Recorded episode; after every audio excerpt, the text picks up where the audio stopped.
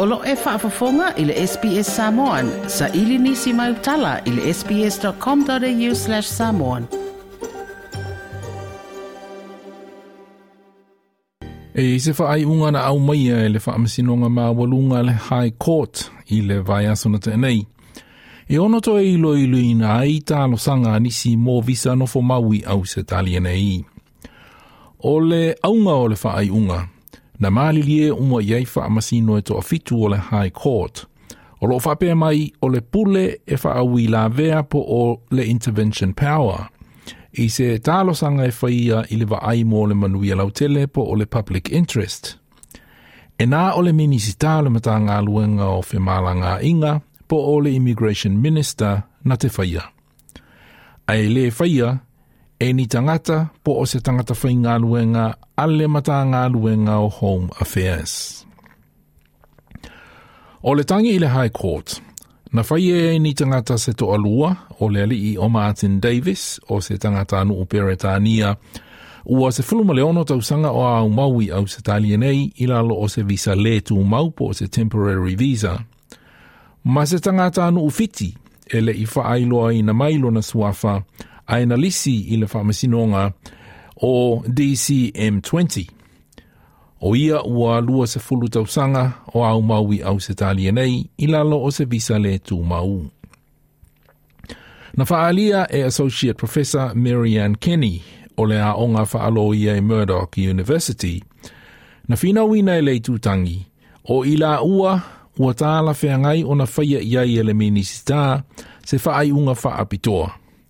Ona o mafua anga e au fiai le umi o au mau i nei, ma tiu te tau ave e mana o miai o na au mau i nei, e pei o le tau singa o tangata o ainga o nisi tiseni au se talia. I le mata upu i le tangata anu ufiti, DCM20, na saunoa Professor Kenny. She was from Fiji. Um, she had applied for various visas, and that by the time she came to apply to the minister, She had been living here for 20 years on temporary visas. Returning to Fiji was not really viable because she had no family there. She also had the care of children and um, elderly relatives. So the idea that she could return to her home country and then apply to come back was, you know, she put forward the argument was very difficult. Associate Professor Marianne Kenny, Ole University o Nei, na tā ua fo'i e Professor Kenny, o le whaai unga whaamasino o le High Court i le pili, e le ngā ta tau la whono. Le whaia e ni tangata whai ngā luenga o le mata ngā luenga o Home Affairs, o ni whaai unga i tālosa ngā Martin David ma DCM20. A e nā o le minisita o whimala ngā inga, na te whaia e le whaai unga, ina i aloa i ai whaale tū la whono. So the ruling in, in, in their particular cases was that the decisions made by the Department of Home Affairs were unlawful. So it gets sent back again to the minister to examine their cases again. So it will now have to be the case that the minister is going to have to consider personally their particular situation.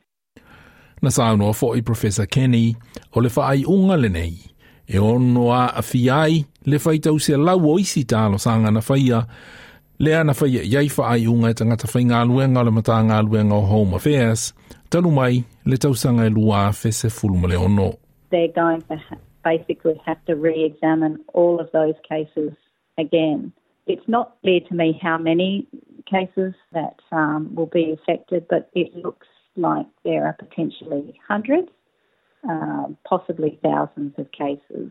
But it's a little bit difficult to know as to whether or not this will lead to different decisions for people. But hopefully, um, there is the opportunity for the department and the, and the minister to consider a fairer and more transparent process for these decisions to be made. Associate Professor Marianne Kenny, or Murdoch University. o le pule po le malosi po le a ia fa le nei le minisita o fi inga. Na moli ma ui nei le masina na te anei. Ina ua fa awi la vea le minisita o fi malanga inga le teiminei, Andrew Charles, i le mata upua se a inga mai Perth. Lea na te ena la lato talo sanga e le mata ngā luenga Home Affairs. E fa avae e fa pe mai, i mafua anga o le soifua maloloina. Ona o se tasi o whanau, ale ulunga alii, na whanau mai e a afia i le Down Syndrome. Na toe so olo ia, ma toe suia e le minisita o whemalanga inga Andrew Charles, le wha ai unga le matanga luenga.